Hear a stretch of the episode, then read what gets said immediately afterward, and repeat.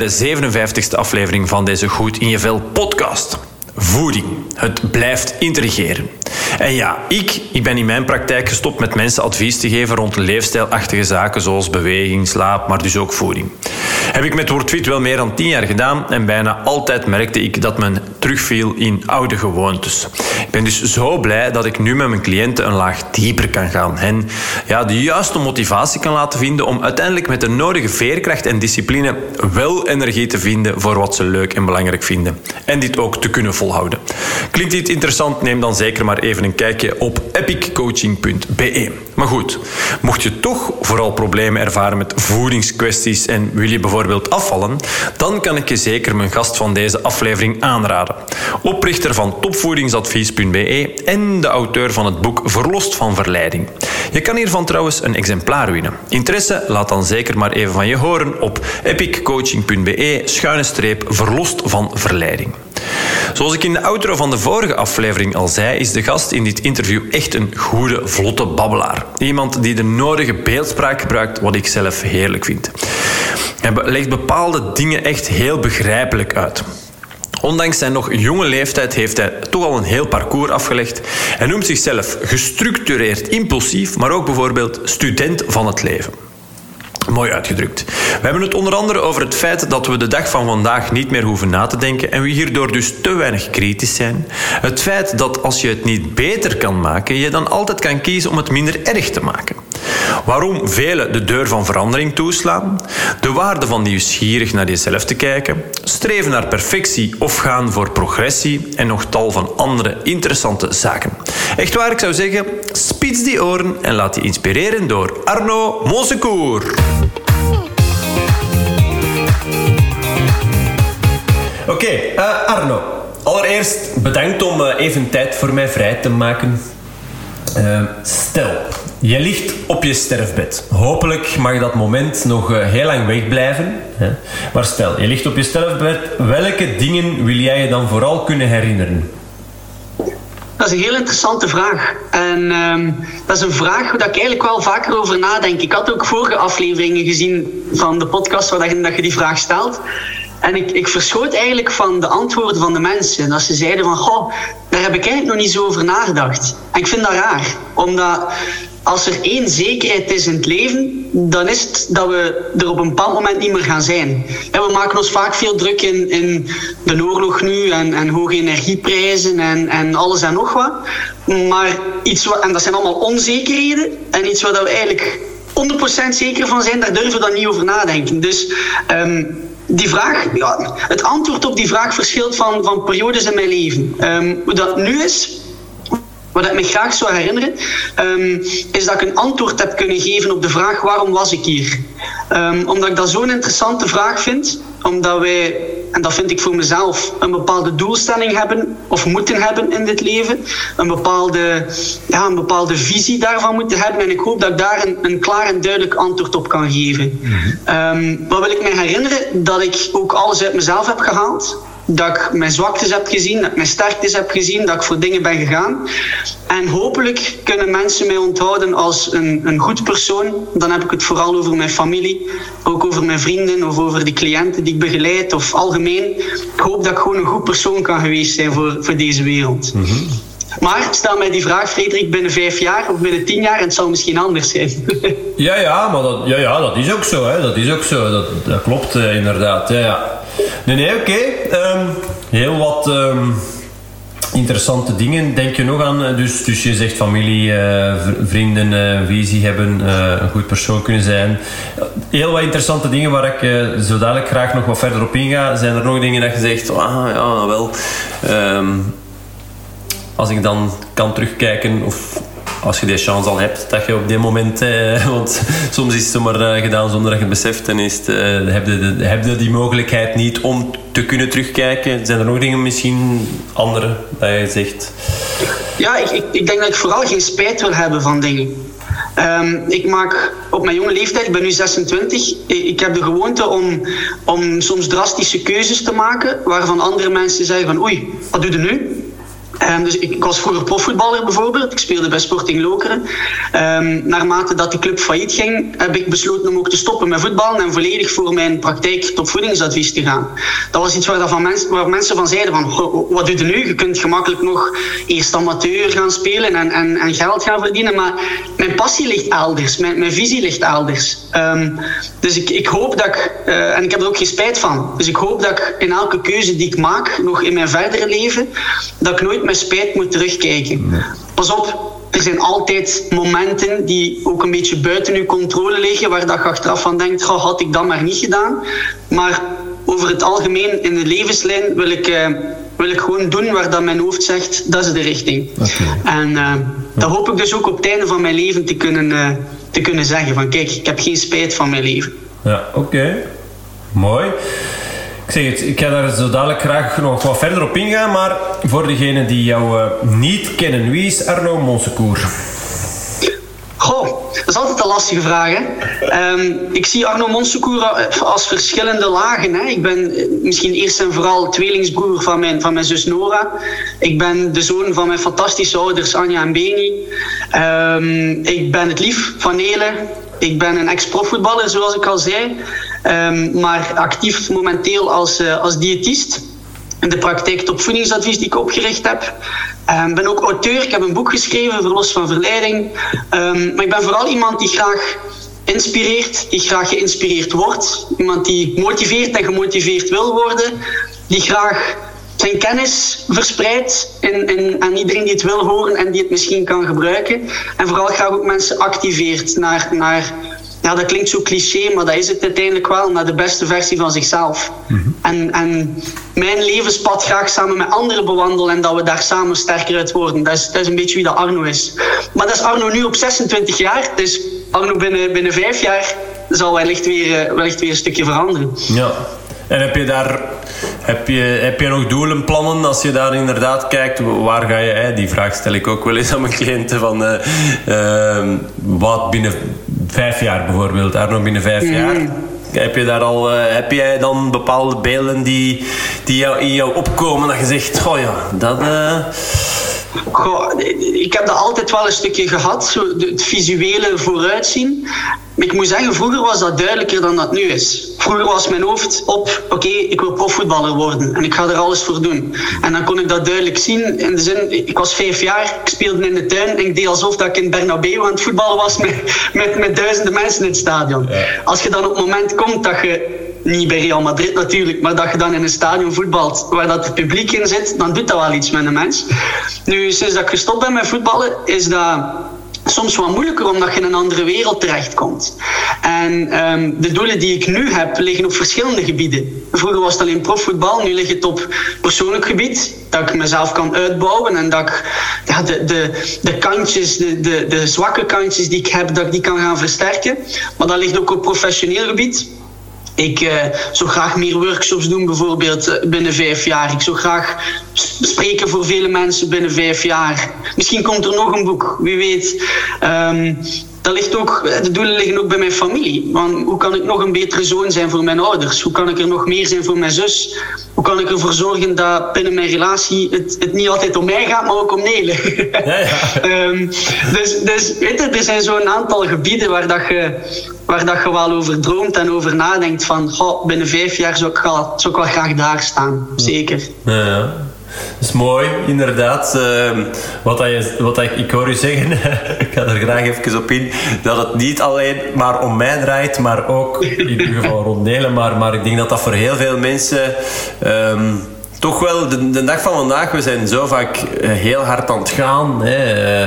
Veel verplichtingen, er komt veel bij kijken. Hè. De lat ligt hoog. We, ja, hè. we hebben allemaal wel het gevoel dat we dat moeten en dat moeten, want een die heeft dat en die doet dat. En dus ja, we willen daar een stukje niet meegaan. En, um, dus ja, goed, er moet, er moet hard gewerkt worden, er moet veel gewerkt worden. Dat is toch zoiets hè, dat, dat toch wel wat leeft.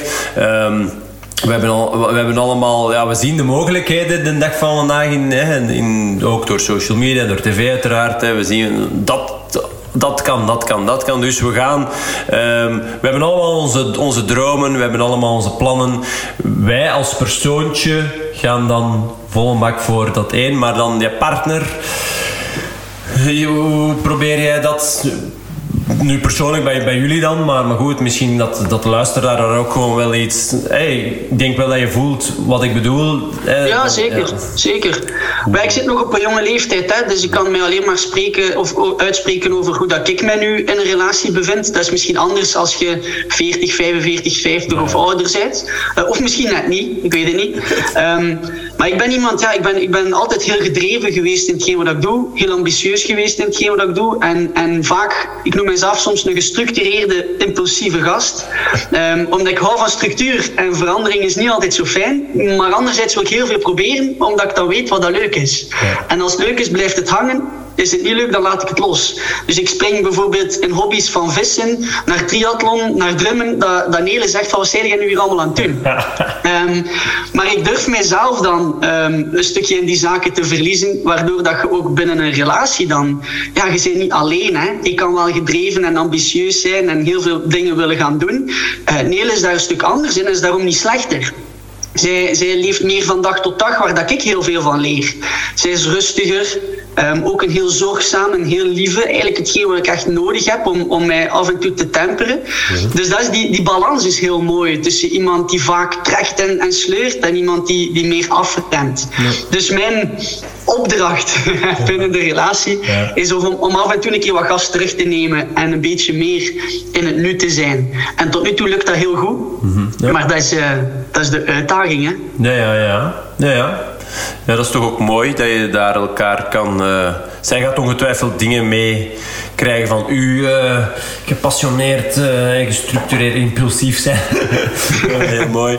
En, um, en ja, ja, en andersom ook. Dus ja. ja. En ik, ik vind het ook waardevol um, wat dat je zegt, hè, vanuit dat gestructureerd impulsief zijn. Ik, ik, wil weten wat, wat, wat, wat ik leuk vind en daardoor ga ik veel dingen proberen. Um, en daarnaast zeg je ook hè, jezelf kunnen verliezen in in bepaalde dingen. En dat zijn twee, denk ik, echt heel krachtige dingen um, als je, als je wilt, te wilt leven. Dat je, dat je echt um, ja, voor jezelf kunt ontdekken wat vind ik leuk en, en, en in welke dingen kan je je verliezen. Hè? Dat, is, uh, ja, ja, dat, dat is echt heel waardevol. En voor u misschien heel evident, voor mij eigenlijk ook redelijk. Ja, dat, dat zit een stuk in mij van, van inderdaad ontdekken wat vind ik leuk. En, en, um, maar voor velen, ja, dat merk ik toch wel. Dat dat, uh, dat, dat uh, zeker voor die mensen die zo hard, ja, misschien met, met oogkleppen op aan het gaan zijn. Um, eh, gaan, gaan, gaan. En, en zich een beetje ook wel een stuk zich, zichzelf verliezen in dan één aspect. Um, van het leven, vaak ook gewoon werk bijvoorbeeld.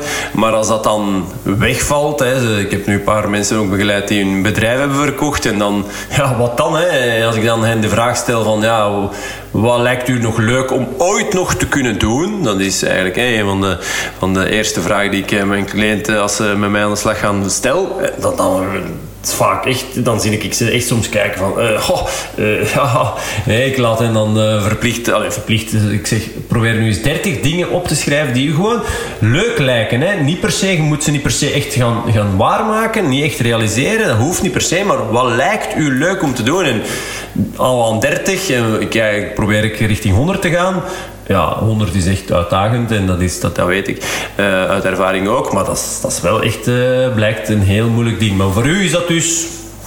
Ik hoor u echt van vissen naar het triathlon, naar voor mij is dat niet zo moeilijk geweest. Maar ik heb dat altijd wel een beetje gehad. Um, ik ben van jongs af aan beginnen voetballen. Ik was vijf jaar. Speelde ik bij een lokale club. En dan naar Lokeren rond mijn acht jaar. Um, maar ook altijd meegekregen van thuis. Van kijk, je moet blijven naar school gaan ook later. En, en dan hogeschool. En um, zonder te pushen, maar wel om een soort backup te hebben. Maar ik, ik had gewoon veel interesses. Ik had een enorm interesse in, in, het menselijk gedrag, zeg maar. En in het menselijk lichaam, omdat ik uit de sport kom. Ja. En ik ben vanuit die interesse dan ook voeding en dieet kunnen gaan studeren. En ik heb dan het opvoedingsadvies eigenlijk direct gestart uh, na het afstuderen naast mijn profvoetbalcarrière. Dus ik was aan het voetballen uh, en aan het trainen en daarnaast begeleidde ik mensen om af te vallen. En ja, dan op een bepaald moment stopt het voetbal en dan ben ik volledig overgeschakeld naar, naar topvoedingsadvies en is dat het enige wat ik doe. Um, maar ja, soms moet op een trein springen. Hè? En ik had ooit een metafoor gehoord van Jesse Itzler. En dat gaat je ook interesseren, denk ik, Frederik. Een metafoor van tijd uiteindelijk. We hebben allemaal niet zoveel tijd. Oké, als je kijkt nu, mijn leeftijd 26, ja, hopelijk mag ik 85, 90 of misschien ouder worden, dat is nog lang. Maar tijd is het enige wat we aan zich niet meer terugkrijgen. En Jesse Itzler gebruikt de metafoor van een bus van het leven. En als je geboren wordt, stapt je op die een bus. En de deuren gaan toe, maar ze gaan niet meer open. En elke dag gaat die een bus vooruit. Of dat je nu ziek wordt, of dat je nu moet gaan werken, of dat je nu, uh, weet ik veel, een nieuwe job aangaat, of, of een nieuwe relatie. Die bus blijft maar gaan en gaan en gaan, in positieve en negatieve momenten. Um, af en toe krijg ik in een platte band, of af en toe rijdt hij misschien iets minder snel, maar hij blijft wel vooruit gaan. Mhm. En die metafoor heeft mij wel doen denken van oké, het, stopt niet. Weet je, er is geen moment dat je kunt blijven stilstaan. uiteindelijk gaat een bus wel een keer stoppen tot wanneer dat, allee, op het moment dat gedaan is. Maar, maar wat dat je ook doet, alles in dit leven wat op je pad komt, soms moet je er gewoon eens opspringen en kijken wat dat geeft. Mhm. Maar daar is wel veel moed voor nodig. En daar is geloof in jezelf voor nodig. En daar is vertrouwen in nodig. En dat is soms de uitdaging. Ja. Maar dat is mijn begrip van tijd. We moeten tijd anders gaan zien. Als ik mensen hoor zeggen van ja, ik, ik, ik ehm, wacht met het starten van mijn gezonde levensstijl tot na de vakantie. Of uh, tot na de verbouwingen. Ja. Of tot na een nieuwjaar. Pas op, dat is allemaal dat is menselijk. En je wacht soms op de juiste moment. Maar je kunt dan wachten na een nieuwjaar, maar dan zal er wel weer iets anders zijn. Of je kunt wachten tot na de vakantie en dan zal er ook weer, want gelijk nu, september, school is daar terug voor de kinderen, het werk is daar terug. Dus soms moet je het eens vastpakken. Maar de reden dat mensen het uitstellen, heel vaak, en, en dat zie ik bij mijn cliënten, dat zie ik bij mezelf, ik kan, daar, kan me niet uitspreken over, over iedereen. Hè? Maar wat ik zie is de reden dat mensen uitstellen is omdat ze het zich te complex maken omdat ze in die alles of niet zitten. Ja. Je, nu moet alles 180 graden gaan draaien. Vanaf nu geen alcohol meer, of geen snoepen meer, of alle dagen bewegen. En je maakt in een berg alleen maar groter en groter en groter. En dan sta je voor die een berg en je ziet dat begin. En je denkt van, goh, maar daar ga ik niet aan beginnen, want dat is wel nog een lange weg. En dat is de reden waarom mensen uitstellen en uitstellen en uitstellen en hun oude gewoontes alleen maar blijven vasthouden. Ja. En de bedoeling is om net die een berg kleiner en kleiner en kleiner te maken en te gaan denken, oké, misschien kan ik vandaag eens vijf minuten gaan wandelen. Misschien kan ik vandaag eens een extra stuk fruit bij mijn ontbijt toevoegen. Maar dan komen we bij het volgende, dat gaan we dan minimaliseren, omdat we een idee hebben van afvallen, van hey, dat, moet, dat moet streng zijn, dat moet strikt zijn, dat moet rocket science zijn. En alles wat ik van kleine stapjes doe, is niet goed genoeg. Ja, ja. En zo blijven mensen vastzitten. Um, ja, interessant. Dus ik, was een klein beetje aan het afleiden, nee, vind ik. Ja, nee, nee, oh, ik, uh, geen enkel probleem. Nee, nee ik, uh, ik ben geboeid aan het luisteren en heel herkenbaar. Ik bedoel, um, dat, dat, dat is trouwens ook iets, alleen eh, maar goed, het draait hier niet uh, om je, het is jouw interview, bedoel, maar ik, ik krijg dat ook wel vaak te horen, uh, dat, dat ik daarvoor sta in ieder geval, om beter kleine dingetjes, kleine stapjes die je gewoon kunt gaan volhouden, dan, dan inderdaad het roer volledig om te gooien en dan, ja, dan drie maanden later, oei, ah ja, terug naar nul, Allee, of, ik sta terug waar ik daarvoor stond. Dus nee, nee, daar, ik volg je daar helemaal in. Nee, nee. Ehm, het, is, het is alleen leuk, dat vind ik altijd gewoon heel leuk om, uh, om het iemand anders dan eens op een net iets andere manier. Hè. De boodschap, de, de, het idee erachter omhels ik helemaal en, en uh, is ook echt iets wat ik jarenlang heb meegegeven aan, aan mensen die ik, uh, die ik begeleid heb, zeker en vast. Maar goed, het is, het is, ik zeg het, dat, dat vind ik wel echt altijd heel waardevol en mooi om dat zo, zo uit iemand anders mond te horen komen. Daarom ook trouwens, ja, deze interviews, dat is altijd, um, ja, ja. Um, zeg, en ik heb jou ook horen zeggen ja, je, als ik vroeg van wat wil je op je sterfbed uh, herinneren, dan hoorde ik je uh, zeggen van zowel mijn zwaktes als mijn sterktes gezien te hebben. En iets later zei je, uh, ik, had ook, ik zou ook graag mijn zwaktes kunnen versterken. Maar, maar de mhm. zwaktes, ik vind, ik vind het mooi. Ik, ik, ik, ik ga ervan aanstaan. Als ik het jou hoor zeggen, dan denk ik... Mm, die mens heeft dus ook zwaktes, hè, want ja, logisch vanuit mijn standpunt, maar even vanuit het hoofd, vanuit de luisteraar. Iedereen de dag van vandaag, zeker ook weer al afgaande op social media, zwaktes. Oh, ja. heb je zwaktes? oh ja, dus... Ja, ja, ja, er wordt soms een perfect beeld ge, ge ja, geportretteerd dat vaak niet hoeft te kloppen. Hè. Nee. Ik denk dat die, die eigenschap om daarover te denken en mezelf te analyseren zal sowieso uit voetbal komen. Omdat je dan kijkt van oké, op het veld, wat doe ik beter als een ander? En, en um, hoe kan ik mijn tegenstander zo goed mogelijk neutraliseren met de capaciteiten die ik heb? Ja. Um, maar ik ben zelf altijd iemand geweest die um, zelfkritisch is die heel erg uh, in zelfonderzoek gaat. En dat is uiteindelijk ook wat ik doe met mijn cliënten en wat ik denk dat de meeste mensen vandaag de dag een stuk missen. Um, en de reden daarvoor is heel vaak omdat wij op een verkeerde manier kijken naar onszelf. We, we kijken op een verkeerde, met een verkeerde bril, zal ik zeggen. Heel veel mensen kijken oordelend naar zichzelf. En mezelf inclusief, dat is supermenselijk, er is niets mis mee. Maar als je dat te veel doet, dan kom je vast te zitten. En heel vaak hoor ik mensen zeggen: hoe komt het dat ik die, die zak chips nu volledig heb leeggegeten? Um, ik heb er te weinig karakter voor. He, of oh, ben te lui, ik ben niet gaan sporten. Dus wij kleven labels op onszelf die vanuit een oordelende bril komen. Ja. Maar dat is te gemakkelijk. Het is te gemakkelijk om te zeggen: ik ben te lui, ik ben te moe, ik ben te oud, ik ben weet ik wat allemaal. Je slaat de deur van verandering dicht. Dus het is een soort label dat, dat alles toeslaat. Wat ik geleerd heb doorheen de jaren, en, en de laatste jaren meer en meer eigenlijk, is om nieuwsgierig naar jezelf te gaan kijken. En zonder te gaan oordelen. Het oordelen zal er altijd zijn. Dus het wil niet zeggen dat je die gedachten moet stoppen, maar je moet ze kunnen plaatsen. Van oké, als ik niet ben gaan sporten vandaag, ik kan wel zeggen dat ik te lui ben, maar welke oorzaak kan daar nog aan gelegen zijn? Kan het bijvoorbeeld zijn dat je moe bent omdat je te lang gewerkt hebt? kan bijvoorbeeld zijn dat je kledij niet klaar lag en dat je, dat je de moeite om naar boven te gaan te veel vond. Er zit soms in simpele dingen. Misschien was het niet goed ingepland. Maar als je vanuit die nieuwsgierigheid begint te kijken, dan weet je van, ah oké, dat is een eigenschap van mij waar dat ik minder tevreden over ben. Bijvoorbeeld ik, ik ben een uitsteller. Um, soms te vaak. Maar dan weet ik, het ligt niet zozeer aan mijn motivatie of aan mijn karakter, maar misschien doe ik gewoon iets minder graag. En dan kan ik daarmee aan de slag gaan, dan kan ik daarmee gaan werken. Maar als ik continu begin te oordelen over mezelf, ja, dan is het gemakkelijk. Hè? Want dit is wie dat ik ben. Ja, ja. En het kan niet anders. Ja. En het is zo. Ja. Maar ik wil me daar niet bij neerleggen. Ik wil, ik wil een stuk vooruit gaan. En ik zal altijd sterktes hebben. Ik zal altijd zwaktes hebben. En dat is eigen aan mens zijn. Maar ik wil er nieuwsgierig naar kijken. Ik wil dat kunnen vastpakken. En kunnen zeggen dan, als we terugkeren naar uw eerste vraag. Hè, op het einde van mijn leven. Van, ah, ik, heb een, ik heb een soort analyse gemaakt van Arno.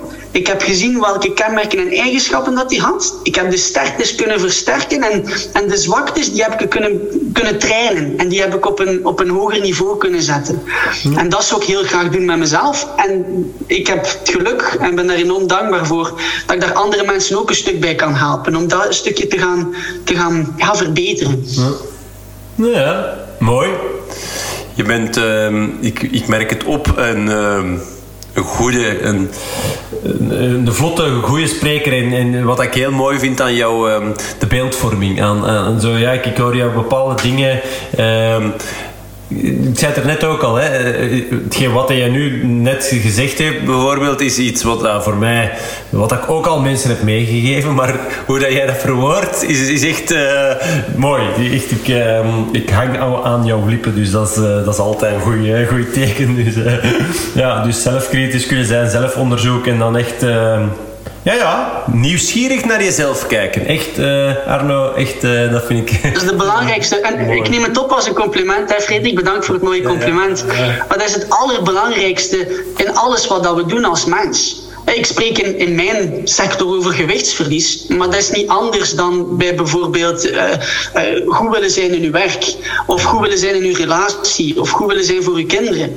Dat is allemaal in dezelfde lijn. Ja. Alleen houden we onszelf tegen omdat we continu met die hamer op onszelf slaan en continu afbreken en continu oordelen. Ja. Nu, wat dat wel is, en dat is misschien wel een nuance om te maken. Uh, nieuwsgierig zijn ten opzichte van uzelf wil niet zeggen dat je berust in een aantal zaken. Nieuwsgierig zijn wil zeggen, ah oké, ik merk dit op. Uh, bijvoorbeeld, uh, ik merk op dat ik 5 kilo te zwaar weeg. Of ik merk op dat ik een emotionele eter ben. Of ik merk op dat ik te weinig beweeg. Het oordelen stoppen van, ah, ik ben te lui, ben te zwak, ben dit, ben dat. Nieuwsgierig gaan kijken van, ah, oké, Hoe kan ik dat gaan aanpakken op een manier die duurzaam is? Hoe kan ik mezelf daarin accepteren van oké, ik ben op dit punt, maar hoe kan ik met mezelf aan de slag? Stap voor stap om daar veranderingen te maken. Als je daar verandering in wilt maken. Um, dus dat is wel een nuance. Nieuwsgierigheid of die acceptatie is niet hetzelfde als je berusten in een bepaalde zaak. Nee, nee, nee. Inderdaad, dat is uh, ja, belangrijk om even uh, de kaderen mee te geven. nee, nee, zeggen, uh, je, je, je, je benoemt nu juist, jij bent vooral bezig met mensen te laten afslanken, afvallen. Ehm, je benoemt heel even um, emo eten interessant, want ook in, in mijn boek heb ik daar uh, dus, dus het is uh, uh, even iets over gezegd van ik, ik, probeer wat ik daar omtrent eigenlijk altijd ehm, ook meegeef is van ja probeer eens na te denken en een stukje te analyseren wat op dit moment de reden is waarom dat je gaat eten. Is dat effectief echt honger?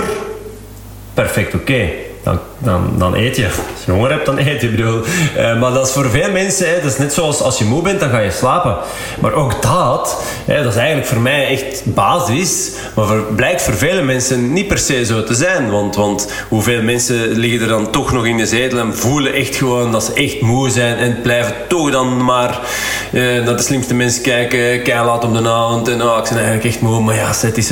Hè, bijvoorbeeld, en met eten hetzelfde. Hè, ja, bedoel... Uh, dus, dus eten omdat je honger hebt of om welke reden dan ook, verveling of gezelligheid of toestanden, uh, dat gewoon al eens analyseren. Dat is iets wat ik toch altijd. Uh, alleen nu geef ik veel minder advies rond, uh, rond voeding en beweging en noem maar op. Maar goed, dat is wel altijd iets wat ik meegaf. Maar ehm, ik ben benieuwd, hè, dus je, je benoemt het even, het emo-eten. Um, graag jouw, uh, jouw kijk en misschien tips uh, en uh, hoe jij er naar ja, kijkt. Ja, met plezier. Het, het emo-eten, de reden waarom dat mij dat heel erg integreert, dat onderwerp, is omdat ik er zelf last van heb gehad. toen ik voetbalde, en we speelden een wedstrijd. Weet je, er zit altijd druk op een wedstrijd. Er zit altijd adrenaline in je lichaam. En ik kon daar geen blijf mee. In die zin, als, als de, het laatste fluitsignaal ging en de wedstrijd is gedaan, of dat we nu gewonnen hadden of verloren, dan kwam er een soort ontlading. Dat was gelijk een, een, een, ah, een druk dat van mijn schouders viel. En ik kon daar geen blijf mee. Dus ik kom binnen in de kleedkamer en er staat dan een hele tafel vol met eten. En ik begon te eten. Sandwichjes, rijstaartjes enzovoort. Daar stopte het ook niet bij. Ik reed naar huis en ik stopte bij de pizzeria voor een, een, grote pizza. En dan zat ik in de zetel de pizza te eten en mijn match te analyseren. Wat dat heel tegenstrijdig is als je profvoetballer bent. Maar wat dat wel een gegeven was bij mij, omdat ik niet weg kon met dat oncomfortabel gevoel van ontlading. En ik ben dat beginnen onderzoeken en er zijn veel triggers die mensen in emotioneel eten kunnen duwen. Triggers die niet altijd een gevoel moeten zijn, want een gevoel is sowieso voor de hand liggend. Ofwel is dat um, troost, droevigheid of kan ook kwaadheid zijn, frustratie. Het kan ook een gedachte zijn ah, ik heb het verdiend. Het is vrijdag, ik heb het verdiend, die, dat, extra glas wijn. Of het is toch vakantie en je mag toch nog genieten. Hè? Dus die gedachte die opkomt, die een bepaalde actie teweeg brengt. Maar het kunnen ook simpelere dingen zijn dan dat. Het kan ook een plaats zijn. Als je telkens wanneer dat je thuis komt, de deur open doet voor naar de keuken te gaan en de eerste kast van je links is de koekenkast, ja, dan is de kans groot dat je daar regelmatig gaat inzitten. Of de cinema. Bij mij is de cinema een heel verleidende plaats. Als ik in de cinema kom en ik zie alles staan, dan denk van, oh, opletten nu. um, kunnen ook personen zijn kan ook een trigger zijn voor emotioneel eten. Als je bijvoorbeeld vaak de verhalen van je collega's moet opvangen en dat die met hun frustraties naar u komen. Of als je een partner hebt die naast u altijd de zak chips opentrekt, kunt ook verloren gaan. Um, het kan ook een tijdstip zijn. Misschien is het altijd om negen uur s'avonds dat dat voorkomt. Misschien is het om vier uur nadat dat je van het werk komt. Dus je hebt verschillende triggers binnen emotioneel eten. Verschillende redenen waarom dat iets uitlokt. En de eerste stap om emotioneel eten te stoppen, pas op, nu ga ik een beetje kort door de bocht allemaal, hè, maar de eerste stap is je triggers herkennen. Van wat triggert mij? En soms komt het tot duidelijke antwoorden. Oh, ik had een slechte dag. Of het lag in mijn omgeving. Of ik, ik had troost nodig. Maar soms is het, is het een, een trigger die de week vooraf is gebeurd. Omdat je toen een, een stressvolle week had en nu is het wat rustiger en heb je die ontlading. Ja. Dus eigenlijk een stuk een film maken van je leven, van uw dag, van uw week, van uw maand misschien zelf. En op zoek gaan van oké, wat triggert mij? Want die trigger zorgt uiteindelijk voor een reactie. En die reactie bij emotionele eters is voeding. Omdat we een soort oncomfortabel gevoel ervaren bij uh, die trigger. En troost is oncomfortabel, of dat komt voort uit verdriet. Hè? En dat verdriet is oncomfortabel. Die ontlading bij mij was ook oncomfortabel. Ik kon er geen weg mee. En uw lichaam houdt niet van oncomfortabele gevoelens. Die wil alles rustig houden en in balans houden. En voeding wordt voor veel mensen een manier om dat te gaan creëren. En herken het gevoel, Frederik, maar misschien jij niet, maar de luisteraar misschien wel, van dan thuis te komen na een lange werkdag. Je hebt je, hebt je huishouden gedaan en je zit in de zetel en je pakt zo een lekker potje chips bij je en je hebt zo, ah, dat, dat oefgevoel. Ja, ja, ah, ja. zit op mijn gemak. Zeker. Dat wil zeggen dat de trigger is weggewerkt. Ja. Maar, en nu komt het belangrijkste. Stel dat je doelstelling gewicht verliezen is of gezonder leven is. En je merkt ook dat de manier hoe dat je triggers wegwerkt voeding is en vaak bewerkte voedingsmiddelen is, dan ga je daarover nadenken. Ach, ik, wil, ik wil toch minder chips eten. Ik wil toch minder alcohol, eten, alcohol drinken. Pardon. Uh, en hoe komt het dat ik daar niet mee kan stoppen? Dat creëert opnieuw een stress, opnieuw een druk van ik heb dat niet onder controle en dat is opnieuw een trigger. Dus je blijft eigenlijk continu in cirkels ronddraaien. En dat stoppen start bij bewust worden van die trigger en dan uw reacties gaan veranderen.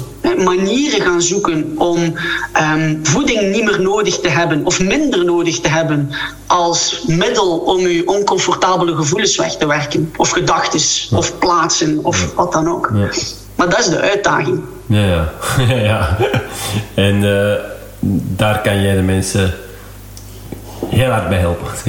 maar ja, er zijn verschillende manieren om dat te gaan doen. Hè? Mm de, alles start in de mindset. Van oké, hoe zie ik mezelf? Hoe denk ik? Um, en iets wat dat wij. Ik ben een, een enorm, enorm uh, interessant boek aan het lezen. Van Mirjam van Rijen over de Stoïcijnse levenskunst. En zij zegt er zijn drie soorten van denken. Of drie manieren hoe dat je denken kunt gaan gebruiken. De eerste manier is geloof. En je neemt iets aan. De tweede manier, moet ik even denken, is weten van oké, ik heb een wetenschappelijk artikel gelezen, dat is een feit. De derde manier is filosoferen, wat niet anders is dan kritisch nadenken. De meeste mensen hebben geen probleem met de eerste twee. Nee. Maar hebben wel een probleem, ik noem, ik noem niet graag het woord probleem, maar de vaststelling is dat heel veel mensen het moeilijk hebben met het laatste. Mhm. Waarom? Omdat we dat heel vaak niet meer moeten gebruiken. We moeten niet meer nadenken. En vroeger in de oudheid, als ze het menselijk lichaam worden bestuderen, dan moesten filosoferen over hoe de maag zou werken of de lever, want we hadden de middelen niet om het te onderzoeken. Dus met de industriële revolutie en alle middelen die we hebben, moeten we niet meer zo vaak kritisch nadenken. Maar dat is een probleem. Om een voorbeeld te geven. Stel dat je gelooft dat brood ongezond is. En dan, dan, zegt men uh, van ah, brood is ongezond, brood is een dikmaker. Ik geloof dat dat zo is.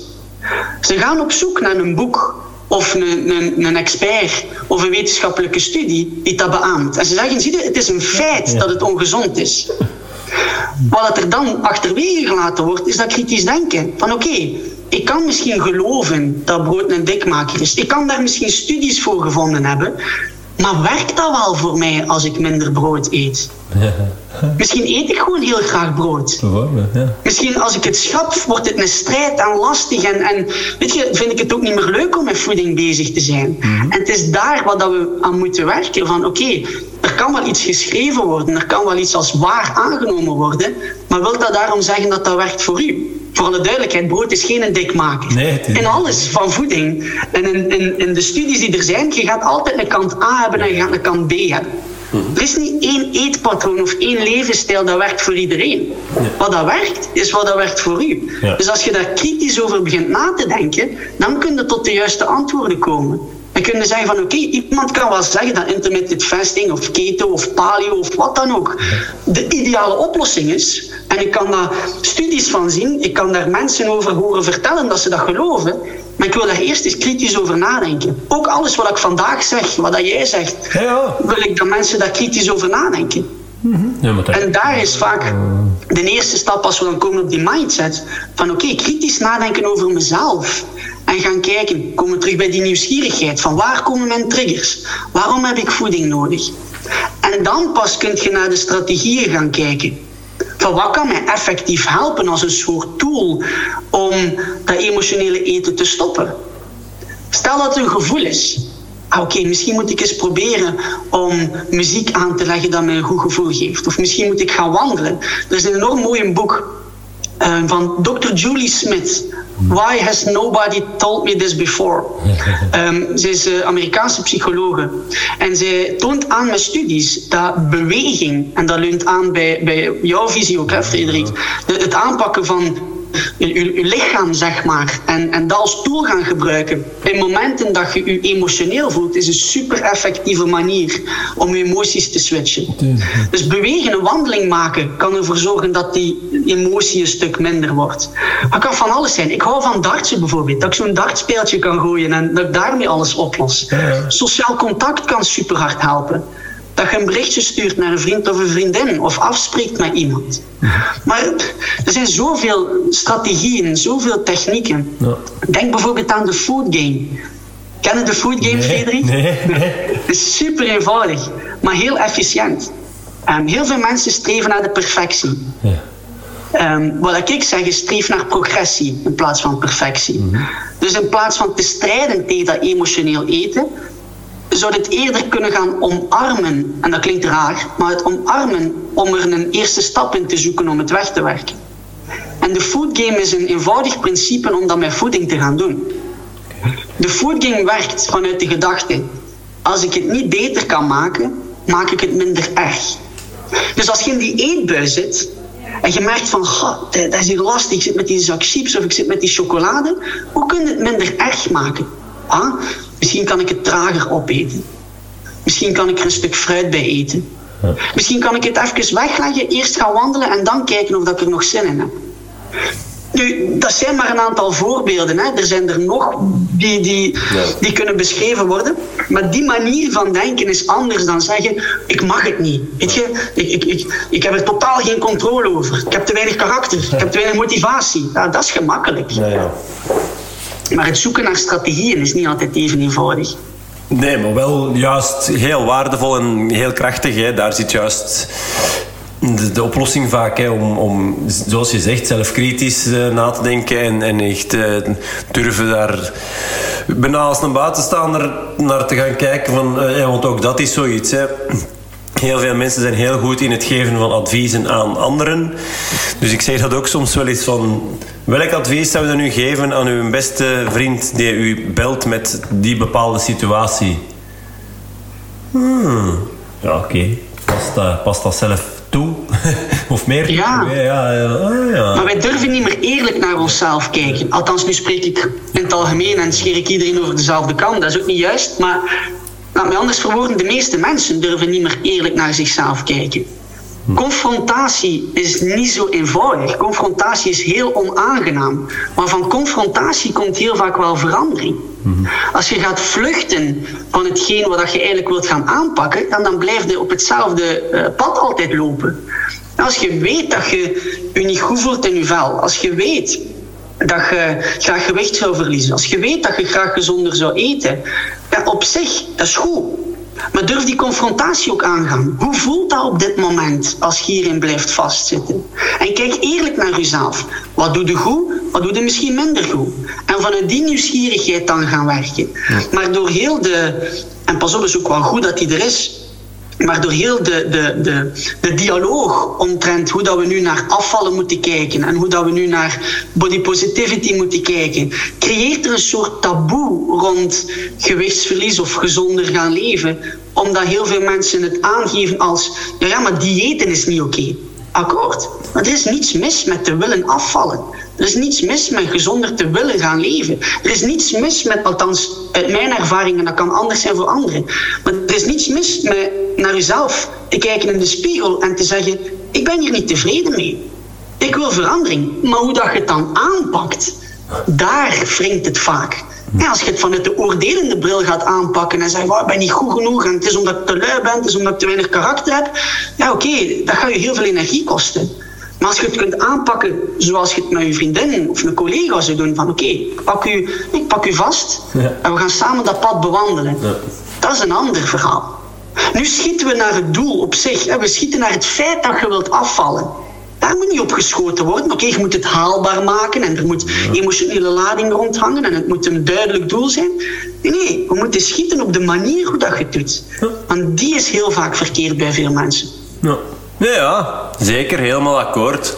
Nee, nee, dat is. Ehm, daar kan ik me helemaal in, uh, in vinden. En, en ja, dat is ook wel een, een stukje de reden waarom ik ja, gestopt ben met woordfietsen. Weet je wel, inderdaad, zo wat je aanhaalt, dat dat wel meer en meer leeft. Zo van, allee, ja, allee, zo, eh, gezondheid bezig. Allee, oh, ja, nog één. Allee, zo weet je wel. En, effectief, die, die wildgroei, toen ik uh, uh, meer dan tien jaar geleden daarmee startte, was dat nog anders. Dan, was dat, dan werd dat echt omarmd als iets heel positiefs. Ik weet als ik dat in het begin mee startte, hoe, vaak dat ik in de krant heb gestaan en zo. En oh, wordt fit en die. Allee, vrij wilt uh, mensen gezonder helpen maken. En de dag van vandaag is dat precies op een of andere manier omgedraaid. Of toch bij velen zo van, allee, oh, oh, ga je echt mee gezond? Allee, ja, dat, dat, ik volg je daar wel in. En dat is uh, psychisch een uh, positieve trend. Uh, maar ja, goed. Uh, tja, goed dat we er nog altijd mensen zijn zoals jij die dan toch gewoon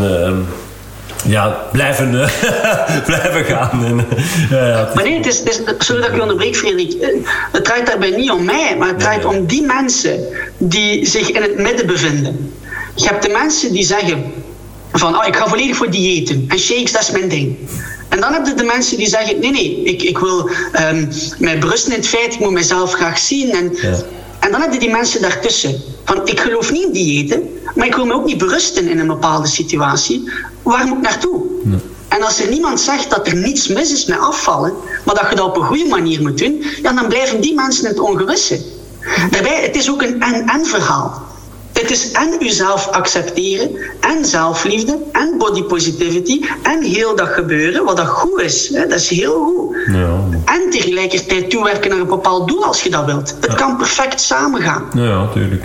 Het diëten aan zich, de dieetmindset, is niet zozeer dat dat te maken heeft met het dieet heeft te maken dat de manier hoe dat je gewoonte wil veranderen niet werkt volgens de manier hoe dat onze hersenen werken. En daar zit het probleem. Plus ook de marketing en de rocket science die ze proberen te verkopen, zit ook nog een groot probleem. Maar heel vaak de gewoontevorming is te drastisch, is te alles of niets, waardoor dat niet kan werken. Ja, ja, ja inderdaad. Uh de, de, de, voedingsindustrie, de miljarden die daarin omgaan, ja, dat mogen we niet, eh, niet onderschatten. Hè. De, de, de, mooie kleurtjes en de, de, verpakking en het feit dat dat op een bepaalde hoogte in de supermarkt ligt en, en, nog aan de kassa. En, ik bedoel, dat, dat mogen we ook niet... Uh, ook daar een beetje kritisch... Uh, dat is, we nemen dat voor, voor waarheid, dat is zo en dat ligt daar. En, maar waarom ligt dat hier? Allee, daar denk, ook daar denken mensen niet echt meer bij na. Hè. Dat is gewoon... En dan... Maar dat is ook logisch. Hè? Mensen hebben veel andere verantwoordelijkheden ook in hun leven en, en andere rollen te vervullen dan alleen maar continu bezig te zijn met wat er in de winkel uh, ligt. Maar inderdaad, wat gaat het minste energie kosten? Het feit dat we met onszelf aan de slag gaan en zeggen van oké, hoe kan ik de tools en de middelen en de mindset creëren om naar mijn doel toe te werken? Of de hele voedingsindustrie gaan willen veranderen waar dan miljarden in zitten en waar daar duidelijke marketing en duidelijke strategieën in zijn. Tuurlijk moet je dat debat openen en je moet daarover kunnen spreken. Maar ik help mezelf en mensen liever met de tools die we kunnen krijgen en aanleren om dat een stukje eh, tegen te gaan als we zelf in de winkel lopen, dan dat ik moet vechten tegen de grote mastodonten die, uh, die zoveel macht hebben. Nee, gaat niet werken, gaat niet lukken. Dat, uh, Althans, dat gaat niet alleen lukken. Dat heeft toch niet alleen. Nee, nee, nee, ja, nee, nee, dat is waar. Nee, nee, oké. Okay. Zeg, um, nu, um, voordat we dit interview uh, officieel tussen aanhalingstekens starten, um, zei je iets van, van, eh, van Jij noemt het, het ego je, de valse ik. Ja. Ik heb dat hier even uh, genoteerd. ik denk, daar ga ik straks nog even op terugkomen. Dat is uh, een boeiend, uh, boeiend thema, onderwerp.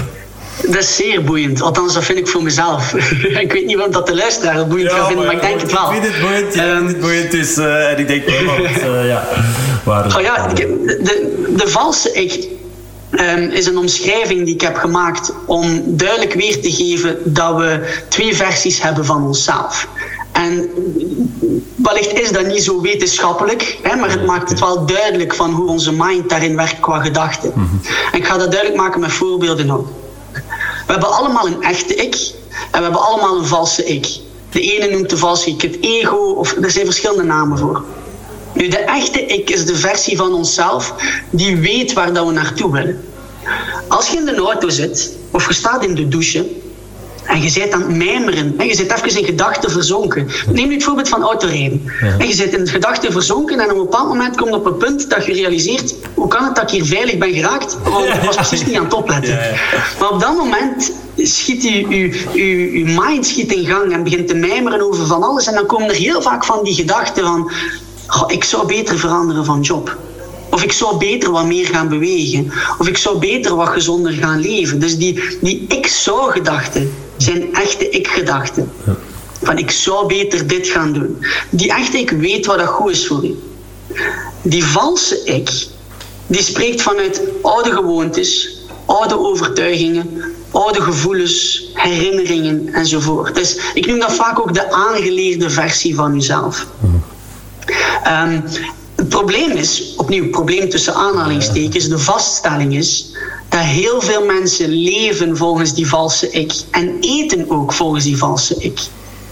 Stel dat je, en dat was bij mij zo vroeger, dat je aangeleerd gekregen hebt als kind om je bord altijd leeg te eten.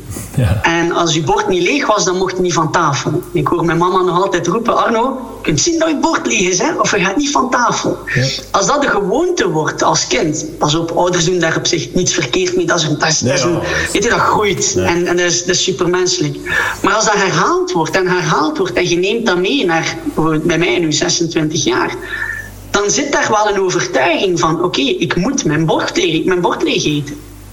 Maar als je wilt afvallen, is het net de bedoeling dat je leert luisteren naar je verzagingsgevoel. Ja. Dus stel dat je na drie vierde van je bord genoeg hebt, maar de gedachte springt op dat zegt: ja, ik moet mijn bord leeg eten. En je gelooft die gedachte, want en dat is een split second, want je hebt het nooit anders gekend en je eet dat stuk vlees nog op, dan heb je uiteindelijk te veel gegeten volgens de doelstelling die je hebt. Om maar een voorbeeld te geven van die valse ik, die u in de verleiding brengt om actie te nemen die niet altijd de meest stimulerende actie is. Maar de valse ik heeft ook een andere kant. En dat is de negativiteitsstem ten opzichte van uzelf. Het is de stem die zegt: Ik ben te lui, ik ben te dik, ik ben te moe, ik kan niets, ik ben het niet waard. En dat zijn zaken die ik hoor van mensen. Dat is niet dat ik dat hier uit mijn duim zeg. Dat zijn verhalen en zinnen die echt naar boven komen. De valse ik is die oordelende stem ten opzichte van uzelf. Ja. Nu, de fout die de meeste mensen maken als ze die twee al herkennen, want de eerste stap is een onderscheid kunnen maken tussen echte ik-gedachten en valse ik-gedachten. En de echte ik die spreekt een ik zou. Stel dat je in de zetel zit en had gepland om te gaan bewegen, om een wandeling te maken. De echte ik zegt, ik zou beter gaan wandelen, want ik heb het gepland de valse ik zegt, ja maar het is aan het regenen buiten en ik zit hier nu toch op mijn gemak onder mijn dekentje, het zal voor morgen zijn. Dus de eerste fase is die twee gaan herkennen. Als je ze dan herkent en je wilt controle krijgen over de valse ik, is niet de bedoeling dat je daar begint tegen te strijden. Het is niet de bedoeling dat die gedachten er niet mogen zijn, want ze gaan er altijd zijn. Je gaat altijd valse ik-gedachten hebben. Maar je gaat het eigenlijk gaan omarmen en zeggen van Ella, ik hoor u vriend, maar we gaan een andere kant uit. Of Ella, ik hoor u wel, maar ik ga toch een beetje aanpassen naar dit. Van oké, ik hoor u dat een half uur wandelen in de regen misschien wel wat lang is op dit moment, maar laat me misschien gewoon straat in en uit wandelen. Dan heb ik toch iets gedaan. Of, oké, ik hoor u dat nu een half uur op de home trainer fietsen, dat dat, dat dat misschien wat te veel is, want ben moe, het is een lastige dag geweest. Maar laat me er gewoon opkruipen en ik zie wel hoeveel tijd dat ik eraan spendeer. Het voordeel is, je hebt je actie gedaan. Je gewoonte blijft in stand en je hebt een goed gevoel van, ach, het is mij toch gelukt. En heel vaak gaat het dan toch aan dat half uur komen. Of heel vaak gaat het toch een half uur gaan wandelen. Ja. Maar als je blijft zitten omdat je dat stemmetje gelooft, ja, ja. dan gaat dat een soort negatief gevoel zijn dat naar boven komt. Ja, ik heb gisteravond het perfecte voorbeeld ervan. Uh, ik was zo uh, ineens op een gegeven moment, uh, ja, mijn schoonvader kwam hier ook eten en, en ik voelde mij ineens precies ja, niet, niet 100%. Ik, denk, ik wist niet goed wat ik zo aan rillingen en, en mijn, baak ook zo. Uh, ik denk, ja, ik zit toch precies niet, niet zo 100%. Maar goed, ja, ook, daar, ik kan er dan niet meegaan. En, uh, en ik had eigenlijk gepland om uh, nog een toertje te gaan lopen s'avonds. Um, allee, nog als de kinderen in bed lagen. En um, ja, dan zou ik perfect kunnen zeggen: oh, maar ik, ik was inderdaad wat moe, ik voelde mijn, mijn darmen wat, wat raar doen. Um, ik had perfect daarin kunnen meegaan en oh, arme ik en ja, weet je, het zal toch niet gaan, want ik ben al moe en dit en dat. En ik heb dan toch maar, ik ben gewoon up als ik uh, onze Hendrik, de kleinste, in bed uh, ging leggen. Gewoon mijn loopkleren uit de, uit de kast gepakt, boven al aangedaan. En ik ben naar beneden gekomen. En, en Veronique, mijn vrouw, zei: Hoe gaat nu toch gelopen? Ik zeg: Ja, ja, ja toch maar. En, en ik, heb dan, ik, heb een stukje gelopen en minder lang dan een stuk ook gewandeld. En terwijl ik dat ander bijna niet zou of niet zou doen. Maar goed, ik was wel buiten geweest. Ik heb toch even. Um, dus ja, dat, is daar een beetje, denk ik, een een mooi voorbeeld van. van uh, ja, kunnen dat toch een beetje omdenken en niet per se altijd meegaan in dat eerste ocharme ik of dat, hè, dat oordelende, dat negatieve. Uh, ja. Dus uh, daar volg ik u ook uh, wel helemaal in. Oké, goed. Daar, oh, um, ik heb ook een rubriek in deze podcast, het rapport van van Arno in dit geval. Uh, je mocht ook altijd een joker inzetten, mocht je dat uh, willen. dat zal uh, misschien straks blijken waarom. Ehm, goed, het rapport van. Ik peil heel graag naar ehm, zowel de psychologische als de fysieke of biologische basisbehoeften.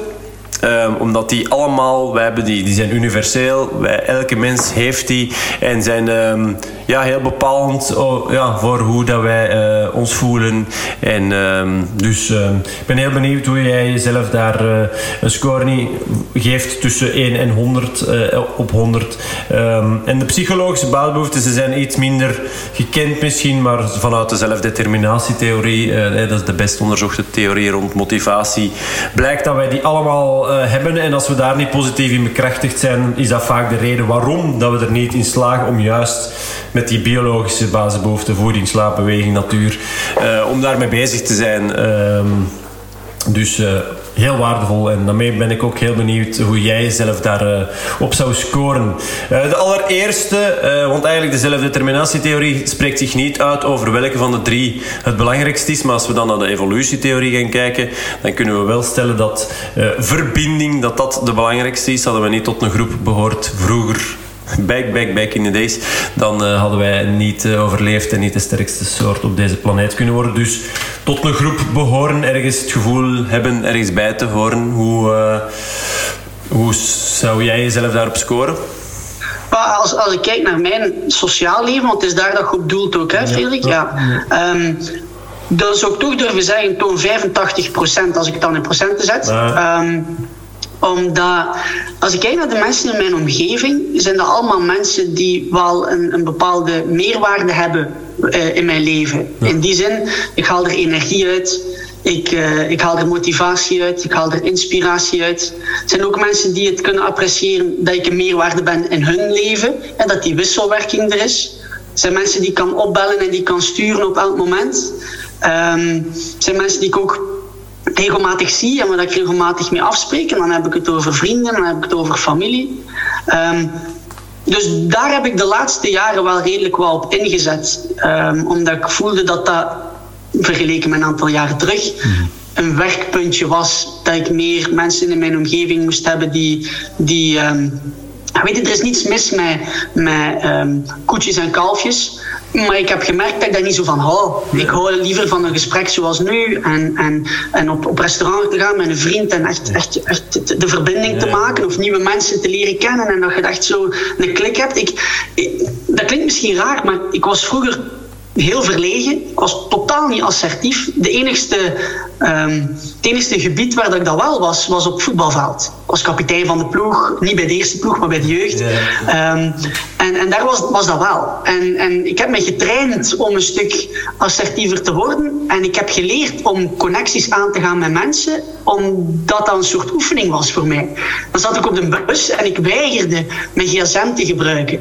Ik, ik, forceerde mij om een gesprek aan te gaan met de persoon naast mij. Niet alleen voor de verbinding te maken en dat dat mij ook altijd een goed gevoel gaf, maar om mij te leren sociale contacten te leggen. Ehm, en ik vind dat super belangrijk. Dat is iets wat ik nu nog altijd doe. Als ik op straat loop, je gaat mij 99% van de gevallen goeiedag zien zeggen tegen hmm. iemand. Ik zeg 99, soms heb ik ook een keer een slechte dag. Ehm, ja. Maar, maar het is super belangrijk en ik heb er de laatste, laatste jaren veel tijd in geïnvesteerd en oefeningen gedaan om, om, dat, ja, om dat uit te werken, dat sociaal contact kunnen leggen. Ja, dat is heel mooi en waardevol dat je dat zegt, dat je daar ook op dat soort gebieden in je leven dat je daar inderdaad op kan oefenen. Hè. Dat, dat is iets... Mensen zien dat soms nog te weinig.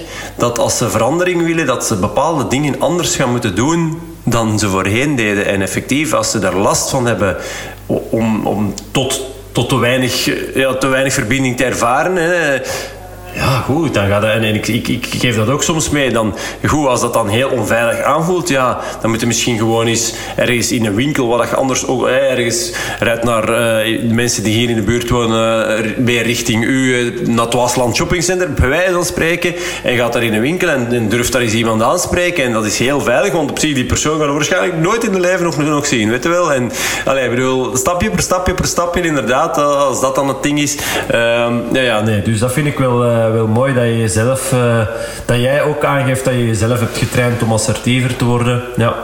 En uh, wat ik ook heel mooi vind is dat, dat je aangeeft dat, dat de mensen die, waar je probeert uh, tijd mee door te brengen, dat zij waarderen dat jij een meerwaarde kan zijn. Dat is ehm, heel mooi uh, uitgedrukt en een heel mooie gedachte. Dat als je, denk ik, wat meer voor elkaar probeert een meerwaarde te zijn en het inderdaad daardoor minder hebt over koetjes en kalfjes en over de echte dingen in het leven en bijdrage kunt leveren aan de kwaliteit en de, ja, de levensvreugde van de ander, dat dat toch wel uh, ja, zeer mooi is. Oké, top.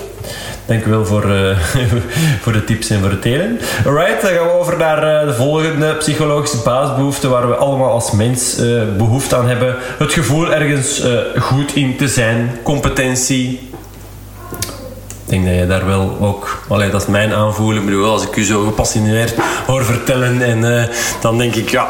Ik zou jou in ieder geval uh, hoog scoren op competentie. Maar goed, da daar gaat het nu niet over. maar dat, dat, is een heel, dat is een heel moeilijke, hè, Frederik? Ja, Omdat...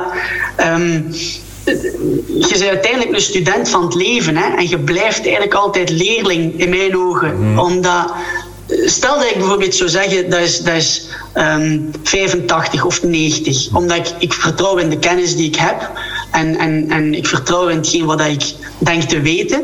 Um, maar dan schiet er nog maar 25 of 15 procent over, zogezegd, om, om bij te leren. Ja. En dat is een heel arrogante gedachte, vind ik. Omdat ik, ik zou me liever dan lager scoren, omdat dat mij de mindset geeft van, ah, er is nog zoveel dat kan verbeteren, er is nog zoveel dat kan, dat kan verkennen. Niet alleen in mijn vakgebied als diëtist, um, maar ook algemeen in, zoals ik daarnet zei, met die oefening van dat, van dat assertiever worden. Dat is iets dat ik gemerkt heb, wat ik ook op aangesproken ben geweest vroeger door mijn ouders. Van, oh, je moet, hey, je moet wat meer op je strepen staan en wat assertiever worden. Oké, dan weet ik, ik ga daarop trainen. Um, nu bijvoorbeeld, dat is misschien een heel persoonlijk verhaal, maar... Um, omdat we, omdat we daar nu toch zijn. Mhm. um, in 2021 kreeg mijn papa uh, twee hartinfarcten. Uh, heeft het gelukkig goed uh, doorstaan. Hij is geopereerd geweest en een heel, een heel donkere periode in mijn leven. Um, twee maanden later kreeg mijn mama de diagnose van borstkanker. En op dat moment de overtuiging, dat was mijn overtuiging, van ah, ik sta al zo ver in mijn mindset. Nee, ik sta al zo ver in, in wat ik doe met Arno. Ik kom al van zo ver. En je komt in zo'n donkere periode, waarbij dat, en dat is mijn uitdaging nu op vlak van mindset en psychologie, is hoe ga ik om met mijn angsten? Hoe ga ik om met het feit dat ik s ochtends in de kamer sta van mijn ouders om te kijken of dat ze nog ademen? Ja. Hoe ga ik om met het feit dat er die onzekerheid is dat mijn papa misschien, weet ik veel, misschien geen 60 wordt? Hoe ga ik om met het feit dat mijn mama het, het ongelooflijk lastig heeft dat die borstkanker in haar leven is? Hoe ga, ik, hoe ga ik daarmee om en hoe kan ik ervoor zorgen dat ik niet continu aansta voor gevaar. Weet je, ik, ik kom uit een verleden, ik ben opgegroeid met mijn tweelingzus die transgender is. Ik heb is een fantastische vrouw. Het is de film Girl, ik weet niet of dat je die kent, ja, Frederik. Ja, is gebaseerd op het verhaal van mijn zus. okay. um, oh. Ik heb daar enorm veel mee meegemaakt. Super goede dingen, maar ook heel veel donkere dingen. Om dan bij in 2021 dat mee te maken met papa, om dan dat mee te maken met mama, om een duur. En er zijn altijd mensen die, die eh, je kunt dat niet vergelijken. Er zijn mensen die het nog slechter hebben als mij daarin. Hè. Maar om, om dat allemaal in hun rugzak te hebben. Mhm. En dan te gaan zien van oké, dat doet precies wat meer met mij dan dat ik had gedacht. Dat is een scary gedachte. Ja. En nu op dit moment, waar dat vroeger assertiviteit punt 1 was, of, of echt Arno ontplooien met meer zelfvertrouwen, meer zelfgeloof, is nu meer punt 1 van oké, hoe kan ik meer leren over angsten onder controle krijgen? Ja. Hoe kan ik dat gaan aanpakken? Het is daarom dat ik zeg van oké, ehm, competentie, het is voor mij heel lastig om daar een score op te geven, omdat ik in elk gebied van mijn leven wel dingen vind die ik kan verbeteren. Um, ja. Dus ik denk, denk, dat dat mijn antwoord is op. op sorry dat ik je geen score kan nee, geven, nee, nee, nee, maar goed, dat is ook effectief. Je hebt verschillende rollen te vervullen ook. Hè. Je bent inderdaad zoon en dan heb je daar misschien op deze moment het gevoel minder competent te zijn in omgaan Voilà. met, met, Voilà. met, eh, met, met de angsten van je ouders en met die situatie.